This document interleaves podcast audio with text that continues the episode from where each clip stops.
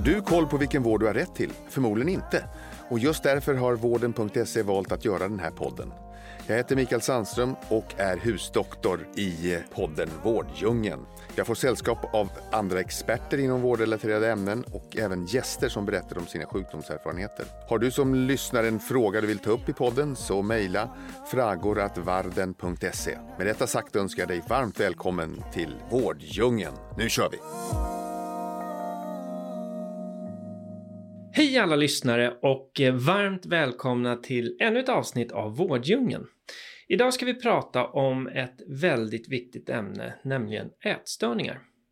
Det finns en hel del fördomar om ätstörningar och därför är det bra att vi har en expert inom ämnet här i studion.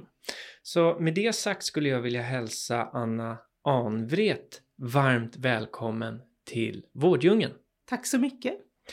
Och du kommer från Mandometerkliniken. Ja, det stämmer. Berätta, vem är du och vad gör ni på Mandometerkliniken?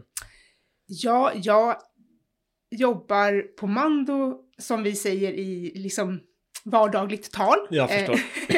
eh, kliniskt så gör jag ju nybesök Mm. som är den första bedömningen när Mm. patienten kommer till oss och sen Mm. har jag hand om vårat uppföljningsprogram. Mm. Men sen gör jag ju mycket eh, jag är involverad i många projekt som handlar om liksom vårdutveckling inom våran verksamhet Mm. för att göra ätstörningsvården bättre. Mm. Mm. Och, och vad, man säga, liksom, vad är egentligen en ätstörning? Liksom, vilka olika typer finns det? Ja, det finns eh, olika ätstörningar. Mm. Eh, om man tänker på de huvud, huvuddiagnoserna så brukar man dela in dem i anorexi nervosa, Mm. som är att man eh, eh, har lågt BMI. Mm. Man brukar sätta då eh, ett BMI under 17. Mm. Och sen att man också äter väldigt restriktivt eller återhållsamt. Mm. Sen finns det undergrupper till anorexi-diagnosen Mm. också. Mm. Eh, där man bland annat då kanske hetsäter och kompenserar genom att kräkas. Mm. Eller att man har överdriven eh, aktivitet. Mm. Och sen har vi då bulimi nervosa som är att man eh, eh, hetsäter. Och det är ju att man äter då stora mängder mat Mm. som man i vanliga fall kanske inte äter eller har förbjudit sig att äta. Mm. Och då kompenserar man genom att kräkas i direkt anslutning till att man har hetsätit. Mm. Mm. Och patienter som har en bulimidiagnos är ofta normalviktiga. Mm. Så det kan vara lite svårt för omgivningen att kanske se att man är sjuk i en ätstörning. För Mm. man är ganska bra på att dölja det. Mm. Det gäller i och för sig alla ätstörningar. Man är Mm. rätt bra på att dölja för omgivningen och de närmsta att man, Mm. att man är. I alla fall Sjuk. kanske ett initialskede, sen blir det Ja. ganska svårt. Ja, Mm. det, det kan det bli. Men, Mm. eh, men just bulimi kan vara svårt och det kan, kan eh, hemlighållas i flera år. Mm. Eh, Mm. Om man är skicklig. Men, men hur vanligt eh, på ett ungefär är det att man har ätstörningar? Om vi tittar Eh, på Sverige. Om man tittar eh, på liksom kvinnor, flickor i Mm. åldrarna eh, 14 till 19 år så Mm. har ungefär 1% diagnostiserats med en anorexidiagnos. Mm. Och 1,5% av flickor och kvinnor i åldrarna 17 till 25 år med en bulimidiagnos. Mm. Så det är liksom de två. Så det ökar något senare? Ja, Mm. det gör det. Och sen fördelar man det här då på män och kvinnor så är ju då 95% kvinnor och 5% män. Mm. Men där är också då förmodligen mörkertalet ganska Mm. stort. Mm. Mm. För det har ju hela tiden mest uppmärksammats bland flickor och kvinnor att det Mm. är de som drabbas av en ätstörning. Men Mm. det är också vanligt bland män. Eh, Men jag tänkte också de andra diagnoserna som också finns då, det är Mm. ju då hetsätningsstörning. Mm. Eh, Och det är ju att man hetsäter fast man kompenserar inte för det. Mm. Och de patienterna tenderar ju att över tid kanske utveckla en övervikt fetma. Mm. Men det som skiljer de patienterna från att vara då en patient med övervikt och vill ha hjälp med den är att de, deras största problem är ju att de vill bli av med sin hetsätning. Det är det Mm. som förstör deras Mm. liv. Mm. Eh, och sen har vi då ospecificerad ätstörning. Mm. Det är då att man, man har lite av allt. Mm. Man kanske inte har tillräckligt lågt BMI för att få en renodlad anorexidiagnos, Mm. men man har ett ätbeteende som tyder på att man själv svälter. Mm. Eh, och bulimi också, att man hetsäter och kräks, men kanske inte med den frekvensen att man får en renodlad bulimidiagnos. Mm, mm. Men det är också den diagnosen som man ser ökar mest, Mm. eh, ospecificerad ätstörning. Och hur ser ni från ett kliniskt håll liksom samhällets roll i det här? Jag tänker osökt på sociala medier och allting. Mm. Eh, Ser ni en, en ökande trend? Om man tittar över tid, är det en, ö, en ökning med ätstörningar eller hur, hur ser ni på det från ett forskningsperspektiv? Men det, man ser ju att det, att det ökar och att det går neråt i åldrarna. Mm, Eh, och sociala medier har ju en viktig roll här. mm, Eh, alla, alla unga är ju ute på sociala medier. Mm. Och det är ju, jag skulle säga att det är väldigt vanligt att när man träffar patienter då som jag gör vid nybesök och, och man frågar lite grann om hur, vet du hur det började och sådär. Då Mm. är det många som säger, ja men jag har följt den och den på sociala medier och inspirerats och, mm. och sådär. Så det är ju, ja, och det finns ju en uppsjö av sociala medier utan att nämna några namn. Mm, ja, så, ja, ja, ja. så ja, så Mm. är det ju. Ja, nej men så absolut. Så sociala medier har ju en, en viktig roll där. Mm. Vad skulle du säga är de vanligaste fördomarna kring ätstörningar? Det är väl att man inte kan bli frisk. Mm, Eh, att eh, har man fått det så får man leva med det. mm. Eh, och det stämmer ju inte. Eh, Nej, det gör inte det. nej, Nej. jag skulle vilja påstå att det inte gör det. För vi ser ju på Mando att det går att bli frisk. Mm, Eh, och vi, eh, våran metod då bygger ju på beteendeförändring. mm, Eh, och då i, med motiverande samtal få patienten att känna tillit och, och förtroende för den behandlande personalen och våga gå emot ätstörningen. mm, Så våran metod, om mandometermetoden, vilar på egentligen fyra eh, hörnstenar som är då att få ett normalt förhållande till mat och kunna Mm. äta allt Mm. utan att ha några förbjudna livsmedel. Mm. Att bryta de kompensatoriska beteendena som att ha en överdriven tvångsmässig träning, mm, eh, kräkas eh, eller andra, andra kompensatoriska beteenden. Och vi använder också vila i värme just för att värme är ångestlindrande. mm, Så antingen i värmerum eller med värmefilt. mm, Och sen är en viktig del också att social och psykologisk liksom återuppbyggnad av patienten. Att stärka patientens självförtroende och självkänsla och mm. komma tillbaka i skola, arbete och sociala fritidsaktiviteter och så. Eh, och sen har vi också strikta kriterier då vi tycker att patienten är frisk. Och det är ju Okej. då ett då, att kunna äta allt. Ja. Eh, kunna vara spontan och flexibel i olika matsituationer. Mm, Eh, och ha normal vikt och vara viktstabil på den. mm, Eh, och normala labbvärden och att eh, ångest, tvång och nedstämdhet som är väldigt vanliga symptom Mm. i den här patientgruppen, att det också har försvunnit. mm, Vilket ofta är det man kanske söker initialt för hos sin vårdcentral till Mm. exempel. Fast att den underliggande problematiken är en ätstörning. Mm, Men de här symptomen kommer som ett brev på posten. Mm. Man får dem också. Mm. Eh, och sen är det ju då att eh, själv kunna säga att mat och vikt inte är ett problem längre och inte kräkas eller hetsäta de tre Mm. senaste månaderna. Och så tillbaks då i ja, arbete Jag och så. Ja. Är, är, är, är det svårt att nå fram till en patient i början? Jag tänker för att många gånger så är de väldigt vana på att liksom manipulera sin Mm, omgivning mm, kanske mm. och dölja det här. Liksom hur, hur, hur, hur får man, Mm. hur krokar man arm? Ja, det, det kan vara svårt. Ja, Eh, det beror lite på vilket skede patienten är i. ja, Det är ju alltid bra att söka hjälp tidigt. ja, Men i början kan ju också patienten kanske få mycket vinning av sin sjukdom. mm, eh, och, och känna sig stark och att man orkar och sådär. Men sen eh, kickar ju de här eh, ja, symptomen in då Mm. som man fryser kanske, man får svårt att koncentrera sig, man får ökad oro, ångest, nedstämdhet och, och sådär. Mm. Eh, så att man behöver ju ändå liksom förklara eh, allvaret i mm, att ha en ätstörning. mm, Eh, och att behandlingstiden också blir kortare ju, ju snabbare man Mm. får hjälp. Ehm, så att ja, ibland kan man behöva motivera patienten. mm, Speciellt kanske yngre patienter där det Mm. är kanske föräldrarna som är de som är oroliga och ja, Mm. För det var, det var faktiskt min nästa fråga. Ja. Det var ju det, liksom, hur ser det ut för närstående? För speciellt när ni får in ett barn som Mm. har den här problematiken. mm. Många gånger är det ju svårt, liksom, föräldrarna behöver vara med. Hur involverade är de i, i själva behandlingen eller hur, hur Mm. ser stödet ut för dem? ja, de är ju involverade i allra högsta grad, Ja. men det är ju patienten som är i fokus. Mm.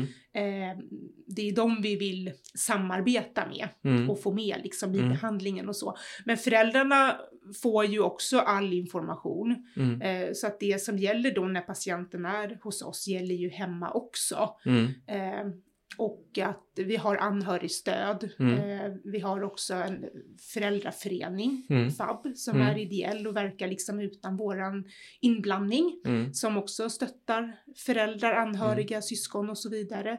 Sen har vi också egenerfarna som är sådana som själva har haft en ätstörning och fått vård på Mando men idag är friska sedan flera år tillbaka. Mm. Och stöttar både patienter och anhöriga då. Mm. Mm. Eh, Och, och hur, vad, hur kan man, om det, säg att vi har någon lyssnare i på den här podden nu som kanske, vad, vad, ska, man, vad ska man se upp med? Eller vad, hur kan man själv veta om man, att man är på väg att utveckla en ätstörning? Eller man kanske har en närstående. Vad, vad är det för varningsklockor eller man ska hålla utkik efter?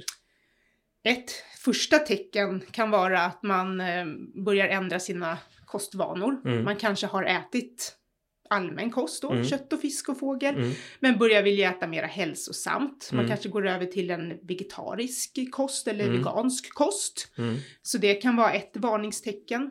Eh, sen kan det vara att man får ett ökat intresse för mat och matlagning. Mm. Mm. Eh, vill själv liksom laga maten för att man vill ha koll på vad som är i. Mm. Eh, och att eh, ja, men det, det börjar också uppta mer och mer av ens, eh, ens tankar och man börjar Mm. planera måltider i förväg och vill veta liksom exakt. Och, Det och, låter nästan som det är någon form av kontrollbehov som är involverat i det här. Eller ett Precis. starkt kontrollbehov. Ja, det, det blir ju det till slut. Att man, Mm. man vill ha koll och man utesluter också, många utesluter ju också produkter och livsmedel för att man uppfattar dem som eh, förbjudna för att de är kaloritäta eller Mm. att de är, det kanske är snabbmat och, Mm. och sånt. Så att sen, då blir ju också den, det man tillåter sig att äta, det man kallar kanske för trygga val då, Mm. ganska få. Mm. Och det är kanske bara de man vill hålla sig till. Men man Mm. vill också kontrollera sin vikt. Många Mm. väger sig ju tvångsmässigt också. Mm. Eh, räkna kalorier och, Mm. och, och sen att man då kanske börjar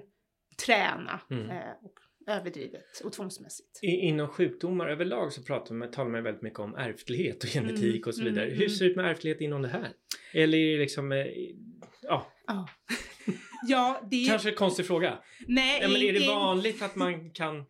Egentligen inte. Eh, det, det, eh, det pratas ju om att eh, det kan finnas ärftlighet och så. Jag vill väl mera påstå att vem som helst kan drabbas av en Mm. ätstörning. Mm. Eh, det har man sett liksom i, Mhm. i studier. Eh, det finns en studie långt tillbaka i tiden, jag tror att den var gjord 1950 av Ansel Key, där han försatte eh, amerikanska män då inom militären i svälttillstånd och såg att de utvecklade alla de här eh, symptomen på en ätstörning. Mm. Och de, hade, de var ju helt friska innan. Mm.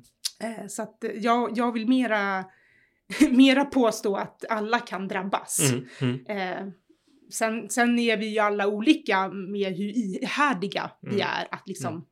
fortsätta. Mm. Hur ser en typisk patient ut som kommer till er på Mando?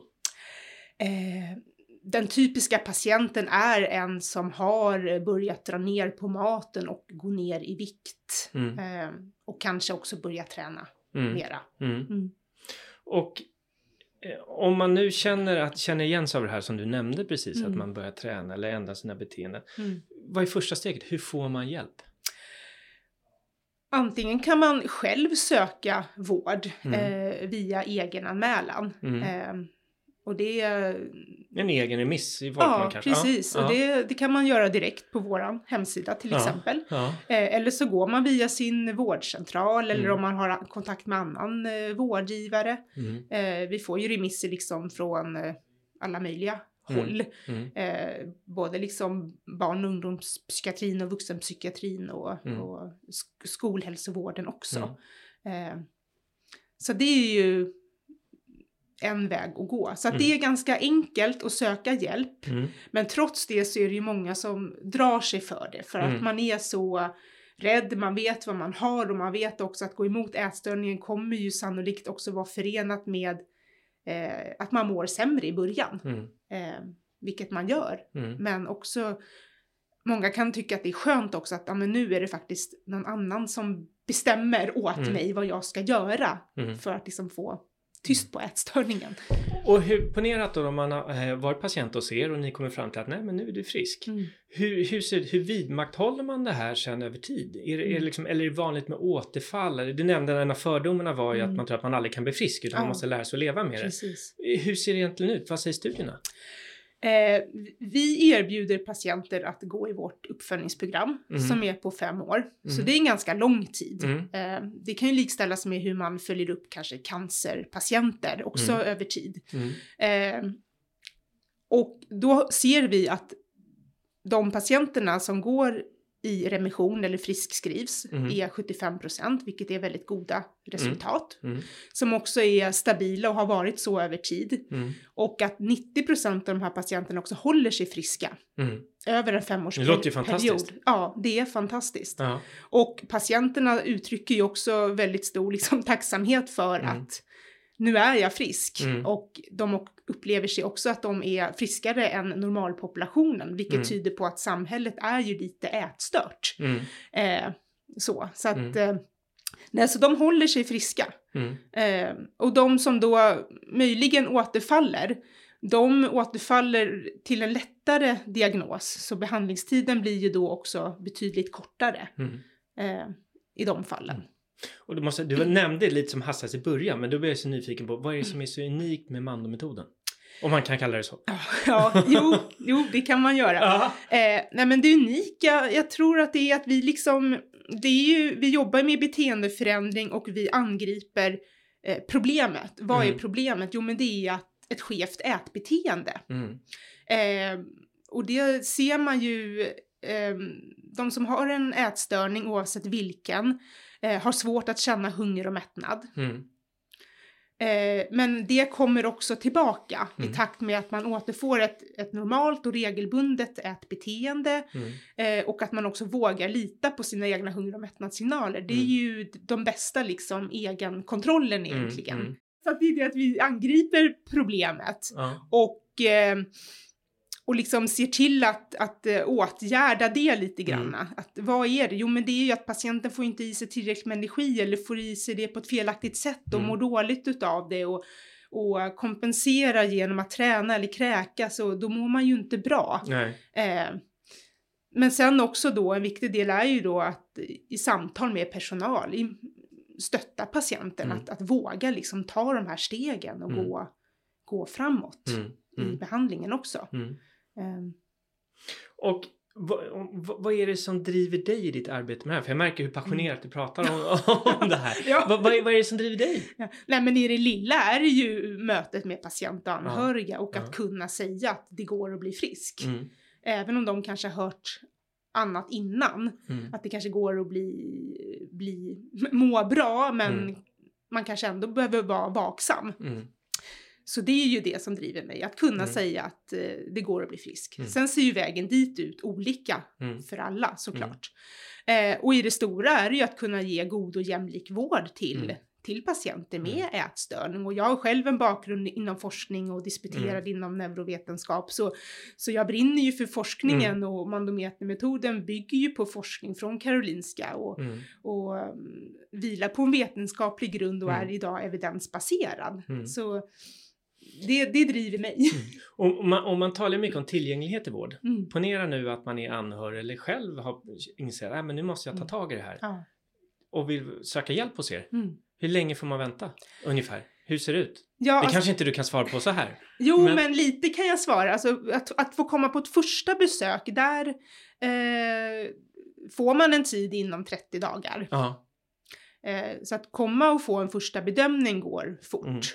Mm. Eh, och där gör vi ju då bedömningen också om, om patienten har en ätstörning eller inte, eller om Mm. vi hänvisar till annan vård. Mm. Eh, och sen, eh, ja, och så bedöms man också vilken typ av vårdnivå man behöver. Mm. Vi har ju hela vårdkedjan, så det är ju patientsäker vård Mm, vi bedriver. Vi har både slutenvård, dagvård öppenvård. Mm. Eh, Så den bedömningen gör vi också och vi prioriterar ju de svårast sjuka enligt då hälso och sjukvårdslagen. Mm. Så vi följer den prioriteringsordningen. Men i genomsnitt då om man tittar på eh, kötiden för barn och vuxna till dagvård. Mm. Eh, sen, visst, är en spridning, men genomsnittlig 77 dagar ungefär. Mm. Eh, för att vara väldigt exakt. Ja, ja, ja, ja, ja. men Ja. ja, inom, inom liksom vård, vårdgarantin. Och, och vad kan man göra då? Ponera att man är anhörig eller man kanske har en vän eh, Ja. som, man, som känner igen det du beskriver. Mm. Eh, vad kan man göra om man tror att, att du har någon nära som behöver hjälp? Nej, men Som, våg- an- som ja. anhörig då? Ja, nej men våga fråga. Man kanske inte själv vågar gå direkt på, på problemet, men man Mm. kan ju ställa frågan att man kanske inte ser att personen mår så bra eller att Mm. man äter sämre eller kanske har gått ner i vikt och det kan ju hända att den här personen helt förnekar, Mm. vilket en del kanske gör i början och tänker oj då är det någon som Mm. ser att jag eh, ja, inte mår så bra. Mm. Men ändå då visa att man finns där och, och eh, om patienten eller patient, individen vill komma senare och prata så är de välkomna. Mm. Eh, Mm. det, det är väl mitt, eh, mitt råd. Mm. Och avslutningsvis min fråga här. Ponera att du skulle kunna måla upp ett drömscenario för liksom den optimala behandlingen för anorexi till exempel. Mm. Hur skulle det se ut? Ja, det är ju att kunna erbjuda patienten vård direkt. Mm. Eh, många har ju gått och kanske dragit sig för att eh, eh, söka hjälp. Mm. Eh, så bara den processen kan ju ha varit ganska lång för en del. Mm. Eh, och sen då att kanske behöva vänta ytterligare. Mm. Det är väl det. Man vill ju kunna erbjuda dem vård direkt. Mm. Eh, för risken är ju att de blir sämre i Mm. väntan också. Och så blir Mm. vårdtiden längre och, och så vidare. Och det Mm. tjänar ju ingen på i Nej. slutändan. Allra minst patienten. Ja, ja, visst. Och nu fick jag en ti- till fråga. Jag sa att den, förra Ja. var min sista. Men Ja. hur ser du digitala hjälpmedel? Hur kommer det in i, i behandlingen? Ser du att liksom, har det börjat kliva in? För det har gjort det inom många andra Mm. områden. Hur ser du inom, eh, inom, inom, inom ert område? Eh, vi är med inom digitalisering och det har jag inte nämnt här, men vi har ju ett hjälpmedel, en Mm. medicinsk-teknisk produkt som heter just mandometer. Mm. Som alla patienter har i behandlingen. Så Mm. det är en våg Mm. eh, som man har under sin tallrik och så har man en app i sin telefon. Så Mm. den hjälper till vid lunch och middag. Mm. Hur mycket man ska lägga upp på sin tallrik och Mm. i vilka proportioner då. Mm. Kolhydrat, protein, sås och grönsaker till exempel. Och det ser patienten i procent. Mm. Och anledningen till det är att man inte ska kunna jämföra med grannen. Nej, nej, nej, att förstår. man har mer Mm. eller mindre. Mm. Eh, så att, och det är också, man kan tycka då, varför ge ytterligare kontroll till Mm. patienterna Mm. när det redan är en sjukdom med mycket kontroll. Mm. Det är ju för att de också ska våga närma sig och våga äta mat. Och, och var i Sverige finns ni? I Stockholm finns vi i Huddinge. Ja. Där har vi eh, dagvård, öppenvård och slutenvård. Mm. Eh, vi finns på Sofiahemmet, också dagvård, öppenvård och slutenvård. Mm. Sen finns vi på vid Hötorget, Mm. där har vi dagvård Mm. och i Danderyd har vi dagvård. Mm. Sen har vi också en dagvårdsenhet i Alingsås. Okej. Ja. Kan man söka sig till er från andra regioner i Sverige? Ponera att man lyssnar på det här och kanske bor i Gävle. Ja, Jaha. Ja, precis. hur, hur fungerar det? eh, ja, öppenvård kan man ju söka, så vitt jag vet, Mm. eh, överallt, alltså vart man än bor Mm. i landet. Mm. Sen när det gäller kanske slutenvård, då krävs det en, en eh, betalningsförbindelse med sin hemregion Mm. Mm. helt enkelt. Mm. Sen har vi avtal med eh, eh, Region Jönköping och eh, Värmland Mm. när det gäller just slutenvård Mm. eh, med de regionerna. Mm. Men, eh, men annars så är det det som, som gäller. Mm. Mm. Du, ett jättestort tack Anna Ja, eh, tack för att själv. du kom hit och gästade Vårdjungeln och för att belysa här, den här otroligt viktiga frågan. Tack! Och jag hoppas att du som lyssnar kanske kan använda den här kunskapen till att hjälpa någon nära eller rent utav dig själv. Mm. Och eh, gå in på vården.se för vi har ju samlat all legitimerad vård på en och samma plats. Så hörs vi igen nästa vecka. Men än en gång Anna, jättetack! Mm, tack själv!